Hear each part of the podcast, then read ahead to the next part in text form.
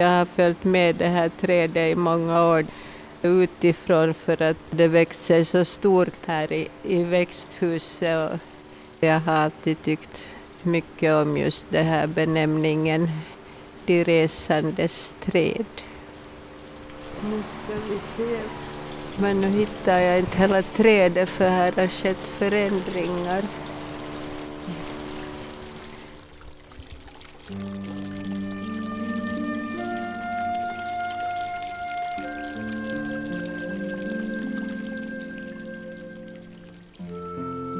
I Helsingfors botaniska trädgård letar Susanne Ringell efter det träd som hon och hennes man Anders Larsson tillsammans upplevt växa på Madagaskar.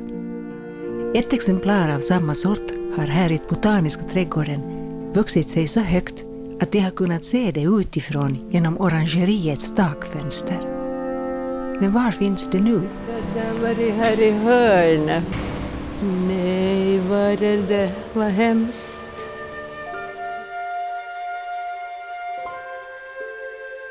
Det här är dokumenterat med programmet Allt vi måste avstå från. Det handlar om författaren Susanne Ringells liv och nu också längtan och sorg efter dem hon har förlorat, främst sin man Anders Larsson. Mitt namn är Mi Gelius.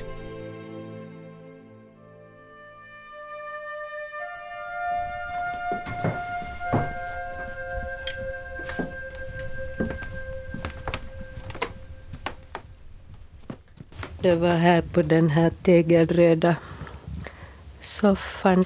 Jag hittade honom en morgon när jag steg upp och han var mitt i att klä av sig, tror jag. Att, att skjortan var liksom av men, men den var ännu innanför byxlinningen. Och, och han satt så där hade fallit lite åt sidan och med en sån där min som att en viss min av förvåning.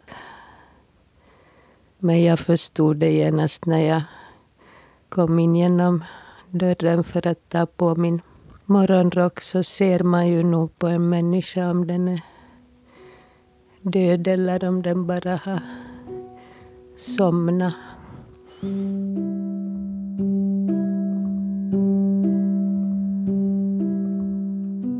Susanne Ringell utexaminerades från Teaterhögskolan i Helsingfors 1981. Åtta år senare inledde hon sin författarbana som i dagens läge med flera pjäser, hörspel och närmare 20 prosa och poesiverk gör henne till en av våra främsta finlandssvenska författare med verk som Av blygsel blev Adele fet, Simma näck och På utvägen var jag en annan. Hon och hennes man, dramatikern, författaren och skådespelaren Anders Larsson, har varit ett konstnärligt radarpar som verkligen gjort avtryck. Anders Larsson, bland annat med pjäser som Två män i ett tält och hans Kalevala förlata och Ett barns memoarer, bara för att nämna några av hans många verk. Och Ringell, som nu senast skapat prosaverket Kroppens kalligrafi. Men en höstnatt, måndagsmorgon i september 2021 slungades Susanne Ringell obarmhärtigt in i en ny tillvaro då Anders Larsson, endast 68 år gammal, dog.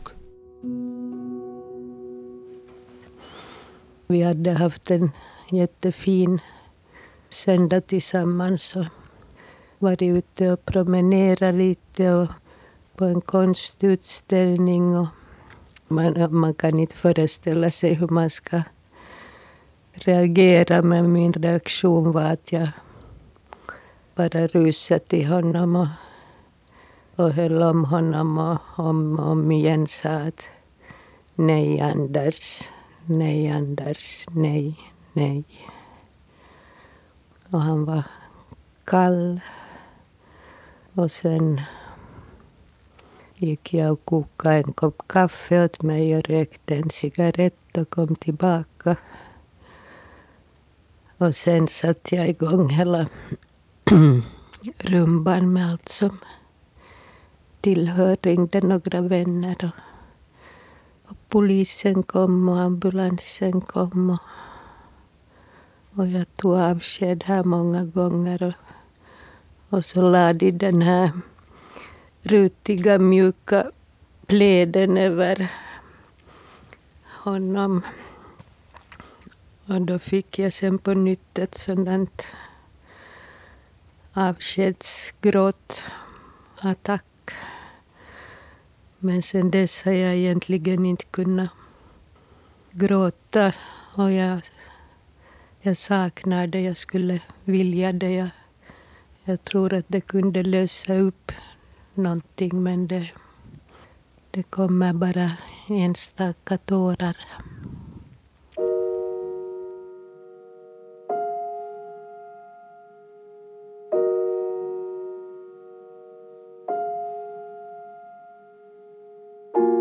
Jag brukar lägga mig tidigare, eller vi brukar högläsa, det har vi gjort i alla år, när jag går och lägger mig och Anders läste och, och sen brukar han stiga upp på nytt och sitta och pyssla med sin dator eller foton eller någonting och, och jag somnade. Och jag hörde ingenting under natten att han, han kan inte ha ropat på mig eller försökt ta sig till mig för att det är så pass nära här att jag skulle nog ha hört det.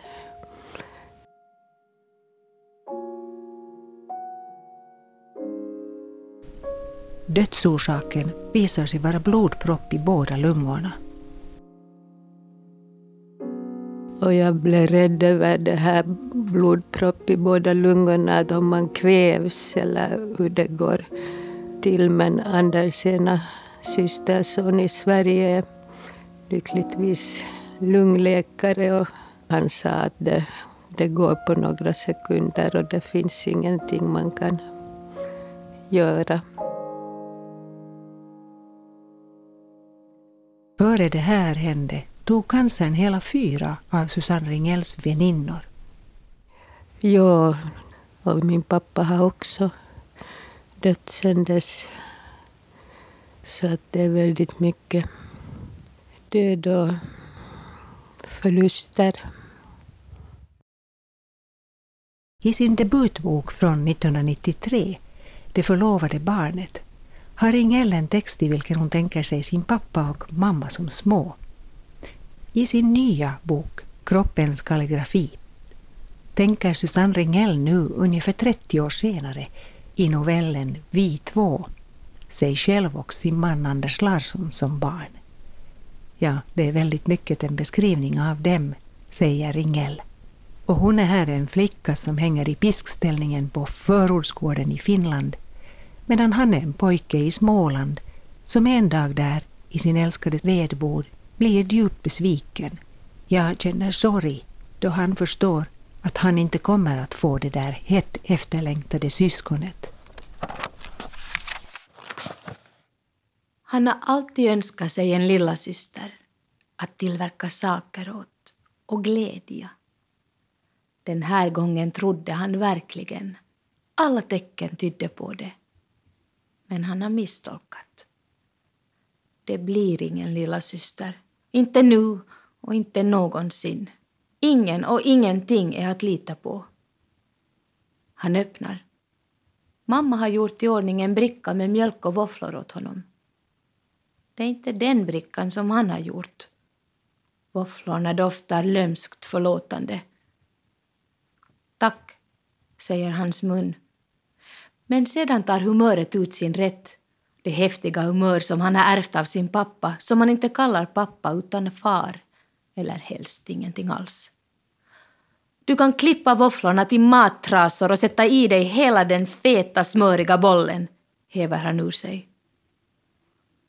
Mamma lämnar den falska brickan med de rutiga hjärtformade våfflorna och går. Mattrasor. Mattrasor. Var fick han det ifrån?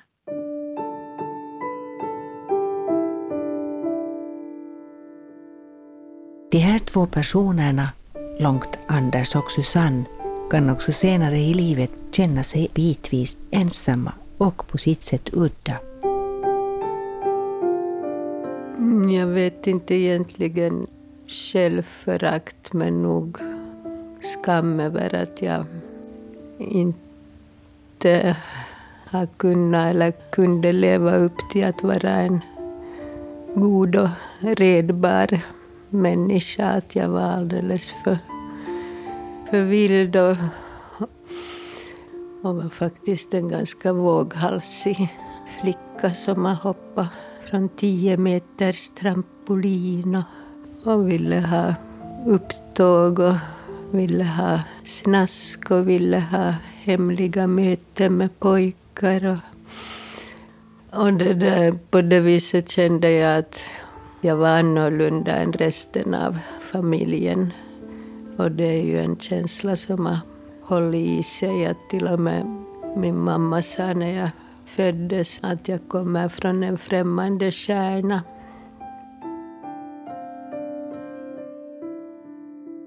Och så föder mötet med den lille pojken i snickarboden den nu vuxne mannen. Det mötet föder, med Ringels ord, upplevelsen att de tillsammans kan bli en flygande orientalisk matta. Ja, allt det här som hör till det hon är mest tacksam över att de två delar. Det beskriver hon så här. Det är väl nog mycket det här att kärleken kan få människor att flyga. Han var så osannolikt rolig. Vi delar en, en värdig förståelse av sådana här udda skämt och anspelningar och han kunde vara väldigt kvick.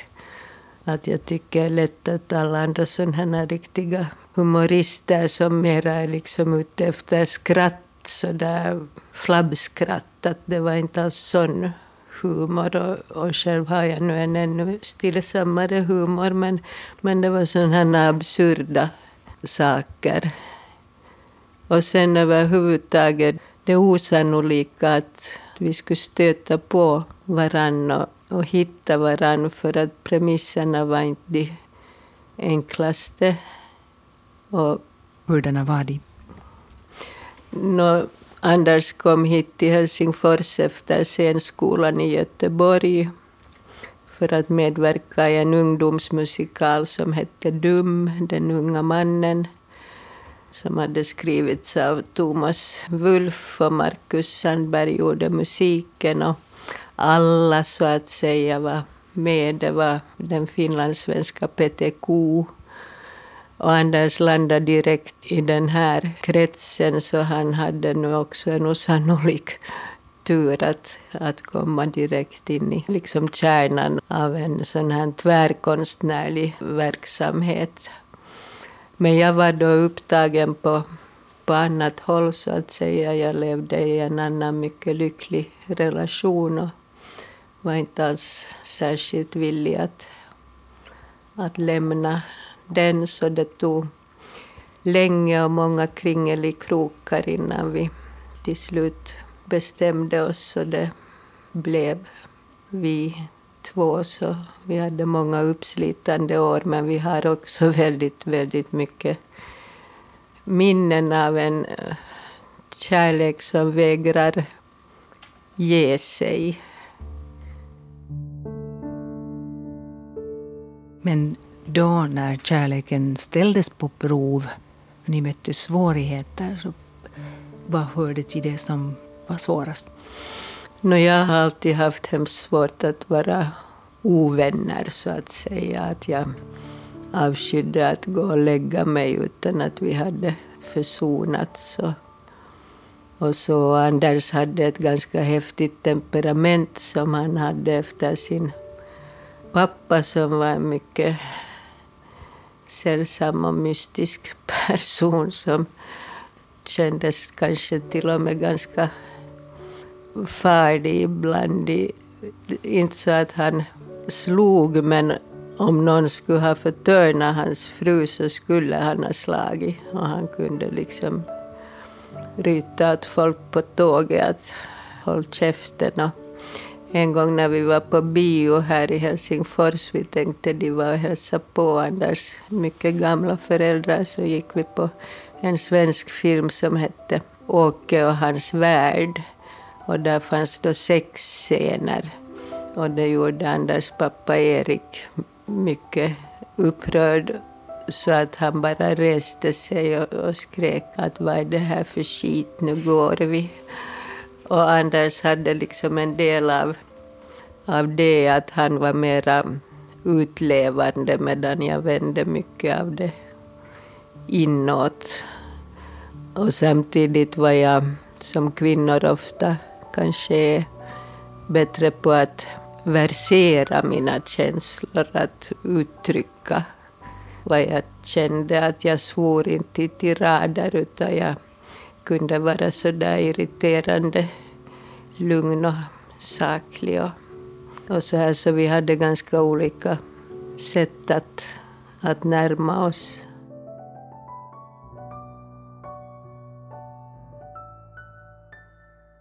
Och inte kan jag heller tycka att det här att Anders gick och dog ifrån mig en oförrätt fast många säger att det är så orättvist.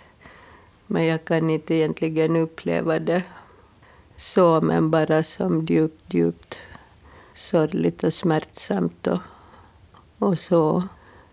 Men på det stora hela har jag haft ett gott och inte enkelt liv. Jag har haft många kriser varav den här barnlösheten då var en som upptog mig många år i ett visst skede av mitt liv. Men inte var det heller någon oförrätt, utan det var så som livet blev för mig. Hur tog Anders den här barnlösheten? Jag tror att i början så koncentrerades det så mycket på mig eftersom det var jag som skulle genomgå alla undersökningar. Och min kropp var kanske på djupare sätt olycklig. I sin bok Kroppens kalligrafi går Susanne Ringell in på folkeposet Kalevalas berättelse om lingonet som äts upp och så ger upphov till att ett litet barn föds i ett stall. Jaget, här i Ringells berättelse, tycker att hennes partner skulle ha visat henne på den här möjligheten. Marjatta i skogen i Kalevala blev havande av ett lingon. Hon förstod inte vad som hänt. Du borde ha berättat för mig. Men du visste väl inte då? Vi var inte djupt bevandrade i saknadens skrifter. Jag smakar mitt lingon nu. Syrligt föder det lust till liv. Sötma. Jag trädde aldrig smultron på ett strå. Jag hann inte. Vi hann inte. Höstens lekar är annorlunda. De är disiga och mer dröjande. Vi kan bärga oss tills vi kommer hem med vår skörd.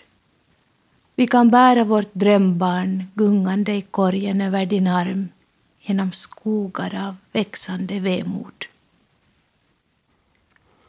Han försökte glädja mig bland annat genom att fria på nytt. Han hade gjort det tidigare i livet men jag hade inte velat gifta mig. Men nu överraskade han mig med att göra det en gång till för han ville liksom ordna en stor fin ljusfest.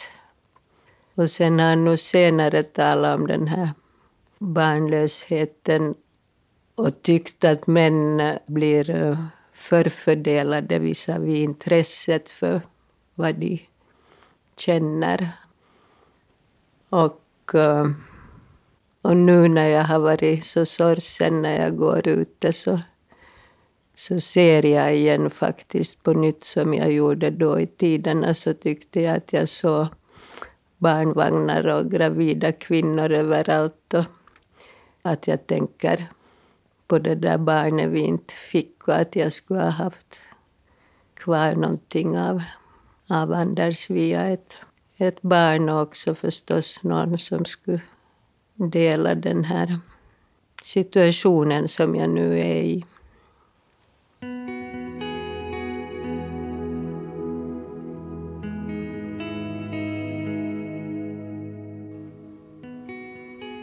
Vi hade ju också en väldigt stor gemenskap i det här att vi förstod vad den andra försökte göra arbetsmässigt.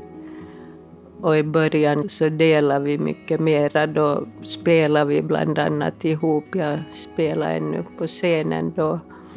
Så att vi gjorde många av Anders första pjäser som var jättefina på Svenska Teaterns miniscen mest som en del kultida som Svarta stjärnor mot vit botten och sånt. Alltså Anders skrev pjäser innan jag hade börjat skriva alls. Och då kändes det som att han hade någonting som jag inte hade. Och eftersom jag själv hade drömt om att skriva när jag var ung men istället hade valt teatern så började pocka på mig att, att om han kan så kanske jag också kan. Så att på det viset var det nog sporrande. Och då blev det först dramatik för min del. Och sen började jag ju skriva böcker. Men sen började han småningom också skriva böcker. Att på det viset så sporrar man ju också hela tiden varandra till att ta sig an nya områden. Jag jobbar en del av dygnet och då gör jag det mycket intensivt.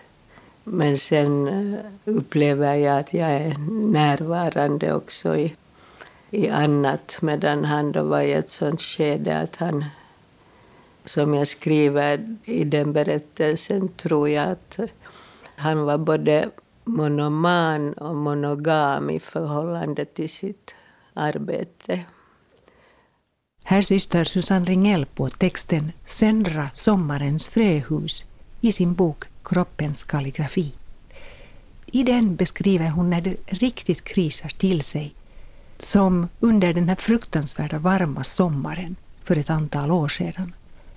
Då bara arbetar och arbetar han och hon börjar känna sig så här. Hon är numera notoriskt otrogen. Inte med någon annan, men med sig själv. Det är ingen parsommar och solen lyser natt och dag, dag ut och dag in. Pågår det. Han är så upptagen. Han väljer att bortse från besvärliga aningar som skulle kunna besanna saker som han inte har tid att veta just nu. Inte just nu. Han vill inte veta sådant som skulle besjäla honom på hans dyrbara, sällsynta arbetsro. Det är kärleken som är farligt sårbar. Kärleken sin förälskelserustning berövad.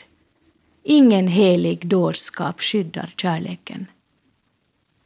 Hon har aldrig förr bara älskat. Att älska har långt varit ett med att vara kär. Det är hennes väsen. Det är kraften i den berusade förälskelsen som har gjort att hon orkat leva med honom.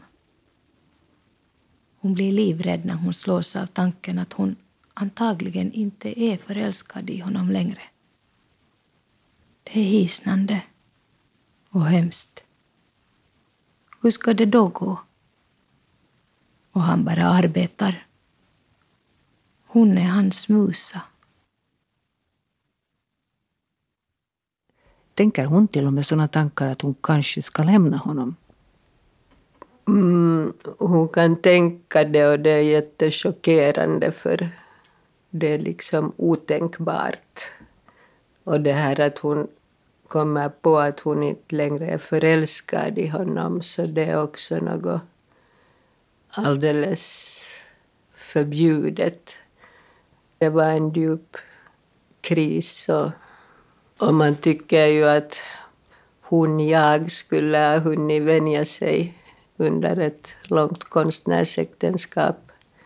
Men Anders var så total. Han uppslukades så till den milda grad att allt annat på något sätt kändes som om man, det försvann, att jag, för, jag försvann. Det är väl en viss sorts svartsjuka. Att det här arbetet var älskarinnan och nöje medan hon själv var hustru och fru och inte lika intressant. Men tidvis kunde Susanne Ringells och Anders Larssons liv påverkas också på det här sättet. Men det, det är sant att Anders kunde bli helt översiggiven. Han behövde väldigt mycket uppmuntran för att orka tro på sig själv och sitt eget arbete. Medan jag kanske då för tiden var mera självgående. Att jag, jag kunde arbeta även utan uppmuntran en stor del av tiden. Men det är på något vis väldigt sekundärt det här med allt vi kämpar med för att det viktiga för mig är att kärleken bestod.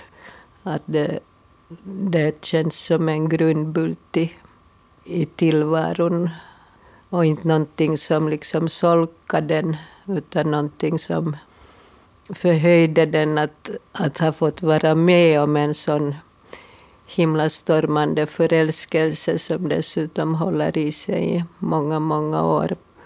Så det är ju inte många som kanske har fått uppleva den turbulensen och, och himlaljuvligheten. Så jag försöker tänka att jag fick ändå närmare 40 år av den gemenskapen. Att, att jag har ju fått så mycket att kan jag inte så att säga leva nu på minnen av, av det. Men tyvärr fungerar det inte riktigt så.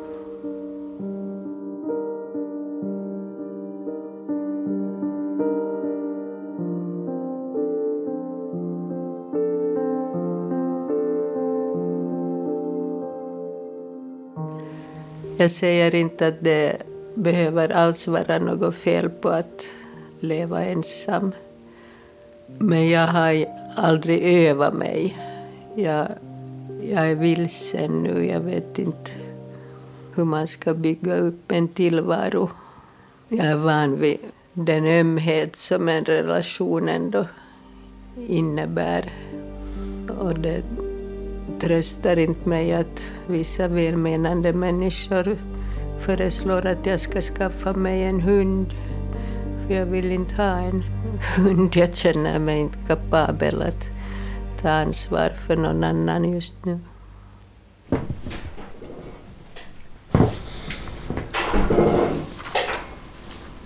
Är det Fontana di Trevi? Det är Fontana di Trevi. Vi var i Rom och arbetade.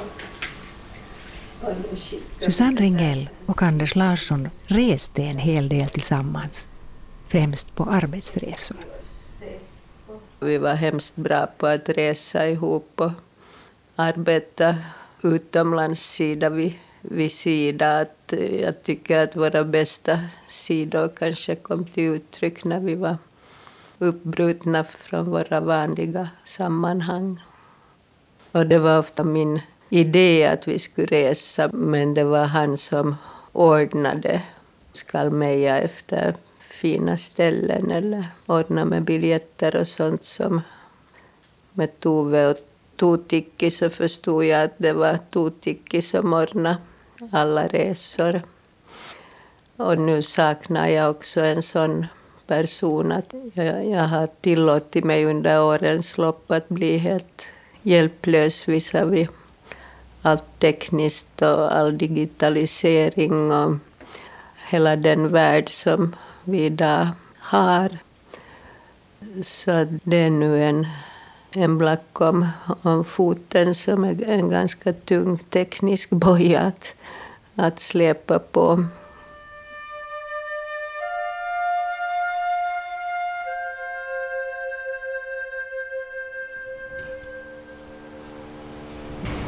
Känner mig helt vilsen nu. inte kan de ju ha flyttat hela trädet. Nyt mä löydän koko puuta, kun kaikki on jotenkin muuttunut. Missä... Joo, tulee jo sehdit. Också i sin bok Kroppens kalligrafi är Susanne Ringel inne på det här trädet och på resandet.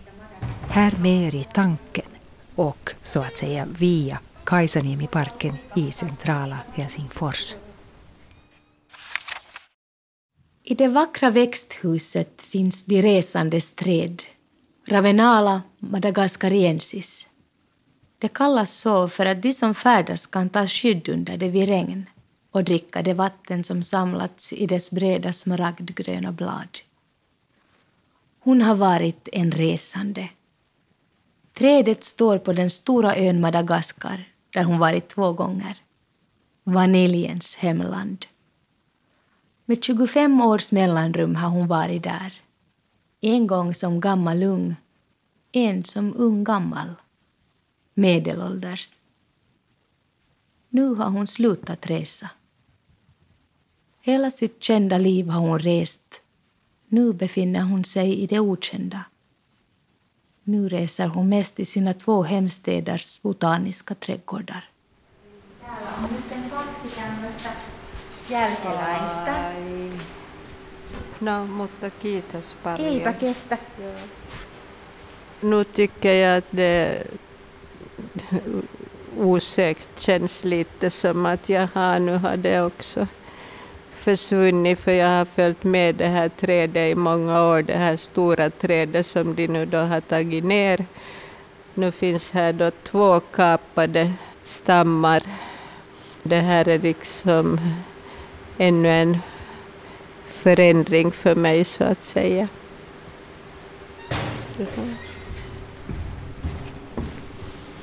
Men jag har ju fått resa väldigt, väldigt mycket i mitt liv och det är nog en sak som jag är djupt tacksam över.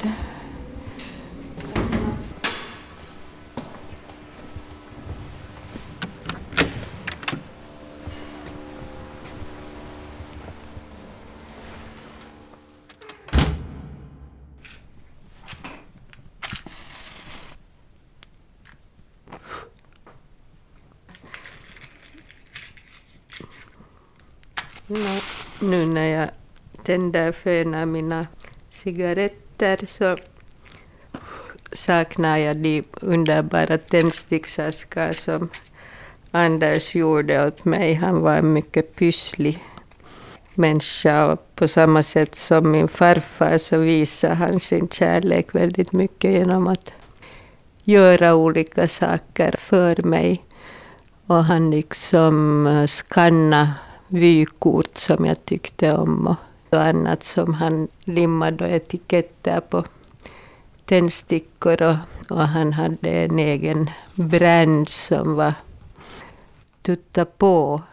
För han kallade mig ibland för Tuttan, det var hans smeknamn på mig. Så alla hans tändstickor hade den där logon Tutta på.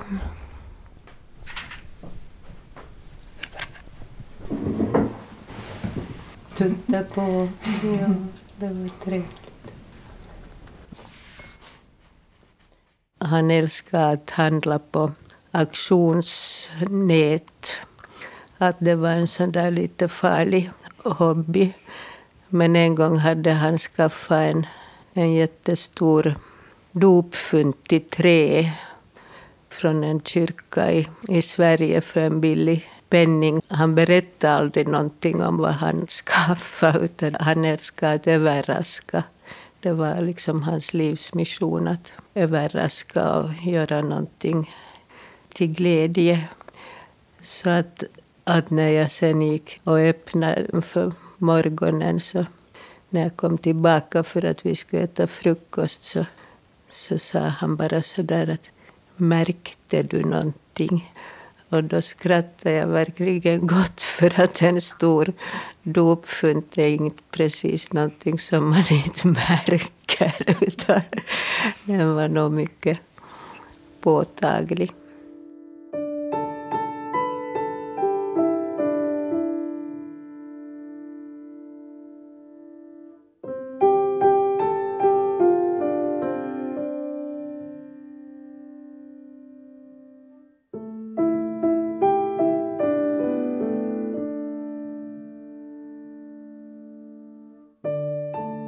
Men det här eh, kärlekens nöd och lust, så det är ju på det viset ett kors att bära.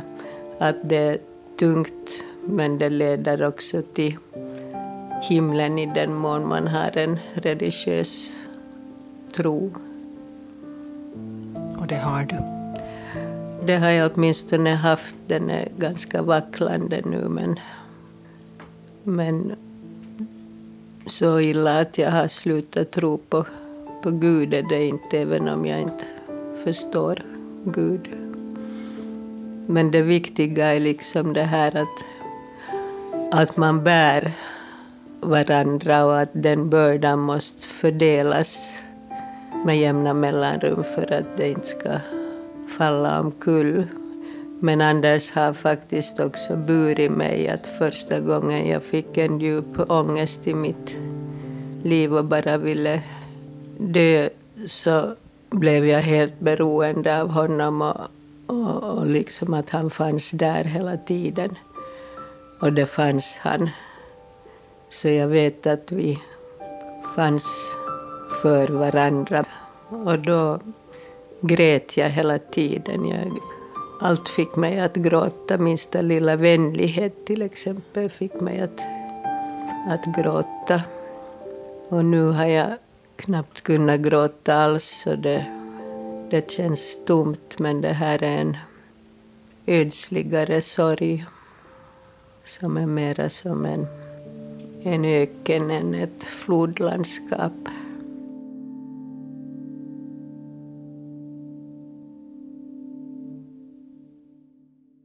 Du har sagt att, att du hade velat veta hur Anders tyckte att du skulle leva ditt liv utan honom. Har du kommit på någonting nu av hur han kanske hade svarat på den här frågan? No, jag tror att han nog tycker att jag ska kämpa för att orka leva. Och det, det tar mycket krafter och, och en kamp som, som är lite ojämn. Men att varje dag försöka ta sig samman, bygga upp sig för en ny dag. Så än så länge är jag i det skedet och ibland känns det ganska tröstlöst och väldigt långt. Ja. Nej, jag, jag har ju varit mycket glad åt mitt arbete, att det har varit en av hörnstenarna i mitt liv och, och det hoppas jag att, att kunna få behålla men vi, vi får se hur det går. Den här sista boken kom ut ganska nyligen så att jag har inte ännu börjat på en ny riktig bok. Jag håller nog på med ett annat mindre arbete som, som ger mig en del och får en del timmar att gå. För är ju också det att ett liv i ensamhet är väldigt långt. Men du skriver också om hur man kan känna gemenskap med de döda. Var vilar Anders idag och pratar du med honom? Mm. No, rent konkret vilar han på Nagu kyrkogård där vi har vårt landställe. Där det finns en liten vacker begravningsplats som jag också skriver om i den här kroppens kalligrafi. En vårnatt står alla portar till kyrkogården öppna. Bland gravarna ruvar fåglar på nya ägg. Här ska jag en gång ligga. Kyrkogården är liten. Alla hittar den de letar efter. Den ligger på landsbygden tätt intill havet. I en sluttning ligger den. Där finns Gråstenskyrkan med sitt votivskepp. Och där, på en blygsam plats, finns min farfars tysta mor Charlotta, sjöfararhustrun, och hans stammande tvillingsyster Amanda, hushållerskan och hundälskaren. Tillsammans vilar de i samma kvinnokrav. Tillsammans ska vi vila. I min himmel är det aldrig sommar. Där är det vår. Där är jag nu. En svindlande stund av evighet är jag mitt i Gud. Där i mitten finns skönhetens lekande tröst och förbindelselänk till det som i övrigt har gått förlorat. En gråhäger flyger med sträckt hals nära trädens stoppar. Jag vill sträcka på mig med allt jag har, allt jag är. Än vill jag sträcka ut mig i hela min längd, hela min bredare bredd och hela mitt djup innan jag döden dör. Anden bor också i köttet, gudagnistan. Det är anden som vill älska, anden i kroppen för dig och honom.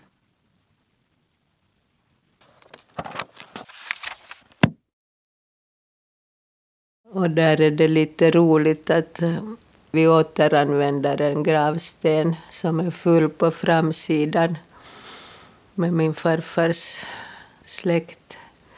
Så att Anders blir graverad på baksidan av den här stenen med en liljekonvalj som jag hade i min brudbukett och som jag hade också nu på begravningen som begravningsblomma. Men jag kan ju prata med honom att varje natt ställer jag mig inför ett av de här fotografierna och, och talar lite med honom och berättar hur dagen har, har varit och så. Men jag kan inte säga att jag har sådana syner att jag skulle se honom eller att han skulle kännas så där oerhört närvarande. Tidigare har du sagt att du inte längre visste för vem du behövs. Mm. Vad tänker du om det idag? Nej, jag vet faktiskt inte. Men sen dess har jag stött på det här begreppet wounded healer som jag tror kommer från Jung. Att även människor som är liksom skadade och, och svaga kan vara till hjälp för och tröst eventuellt för andra människor. Att man behöver inte vara stark för att kunna finnas med. Det var som när, innan du kom hit nu idag så tänkte jag att hur ska jag klara det här? Att jag är ju så pass ledsen. Men sen tänkte den friskare delen av mig att varför skulle bara glada människor få prata i radion? Att inte, inte finns det någon sån regel. Så här har vi suttit och pratat.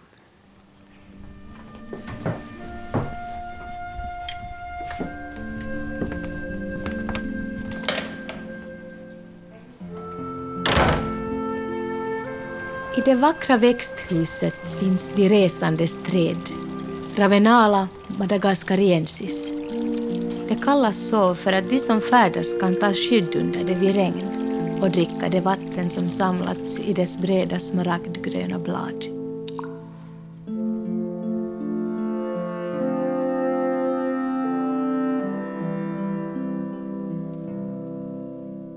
Det här var dokumenterat med programmet allt vi måste avstå ifrån. Om författaren Susanne Ringells liv och nu längtan och sorg efter mannen Anders Larssons plötsliga död. Det var skådespelaren Alma Pöysti som läste ur Ringells verk. Ljuddesignen gjordes av Mike Grönros. Producent var Staffan von Martens. Och redaktör jag, Mive Gelius.